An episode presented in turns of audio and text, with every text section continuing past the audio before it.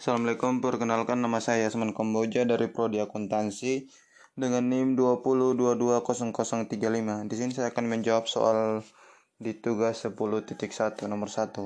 Apa langkah-langkah dalam metodologi SDLC? Yang pertama, analisis awal. Di dalam fase ini, peninjau dilakukan atas permintaan tersebut. Yang kedua, analisis sistem.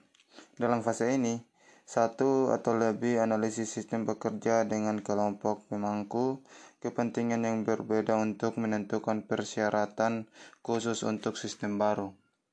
Yang ketiga, desain sistem. Dalam fase ini, seseorang desain mengambil dokumen persyaratan sistem yang dibuat pada fase sebelumnya dan mengembangkan detail teknis spesifik yang diperlukan untuk sistem. Yang keempat, pemrograman. Kode akhir ditulis dalam fase pemrograman menggunakan dokumen desain sistem sebagai panduan. Program programmer atau tim programmer mengembangkan program. Dua. Yang kelima, menguji. Pada tahap pengujian program perangkat lunak yang dikembangkan pada tahap sebelumnya melalui serangkai pengujian terstruktur. Yang keenam, penerapan. Setelah sistem baru dikembangkan dan diuji, itu harus diterapkan dalam organisasi. Fase ini merupakan pelatihan penggunaan, eh, pelatihan pengguna, penyediaan dokumentasi, dan konferensi dari sistem sebelumnya ke sistem baru. Dan yang ketujuh dan terakhir, pemeliharaan. Fase terakhir ini berlangsung setelah fase implementasi selesai. Nomor 2 apa yang dimaksud dengan pengembangan perangkat lunak RDA, RAD, sistem informasi yang dikembangkan itu Rapid Application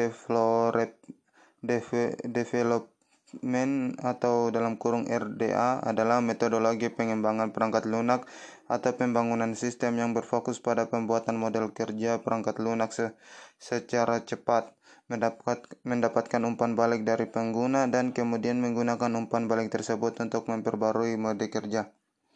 Model kerja. Nomor 3. Apa yang di, yang membuat metodologi lain unik? Bahwa persyaratan lengkap untuk sistem tidak diketahui saat proyek diluncurkan karena setiap intensi proyek dirilis, sistem statistik dan umpan balik yang dikumpulkan digunakan untuk menentukan persyaratan. Metodologi lain bekerja paling baik dalam lingkungan kewirausahaan, di mana perusahaan tertarik untuk menentukan apa menentukan apakah ide mereka untuk aplikasi perangkat lunak yang lunak dikembangkan. Nomor 6 apa itu desain responsif? Desain web responsif adalah sebuah metode atau pendekatan sistem web desain yang bertujuan memberikan pengalaman berselancar yang optimal dalam berbagai perangkat, baik mobile maupun komputer kerja. Nomor 7. Apa hubungan antara HTML dan CSS dalam desain situs web? CSS bekerja sebagai pelengkap pada HTML. CSS memungkinkan web developer untuk memisahkan HTML dari aturan aturan untuk membentuk tampilan sebuah website. Nomor 9.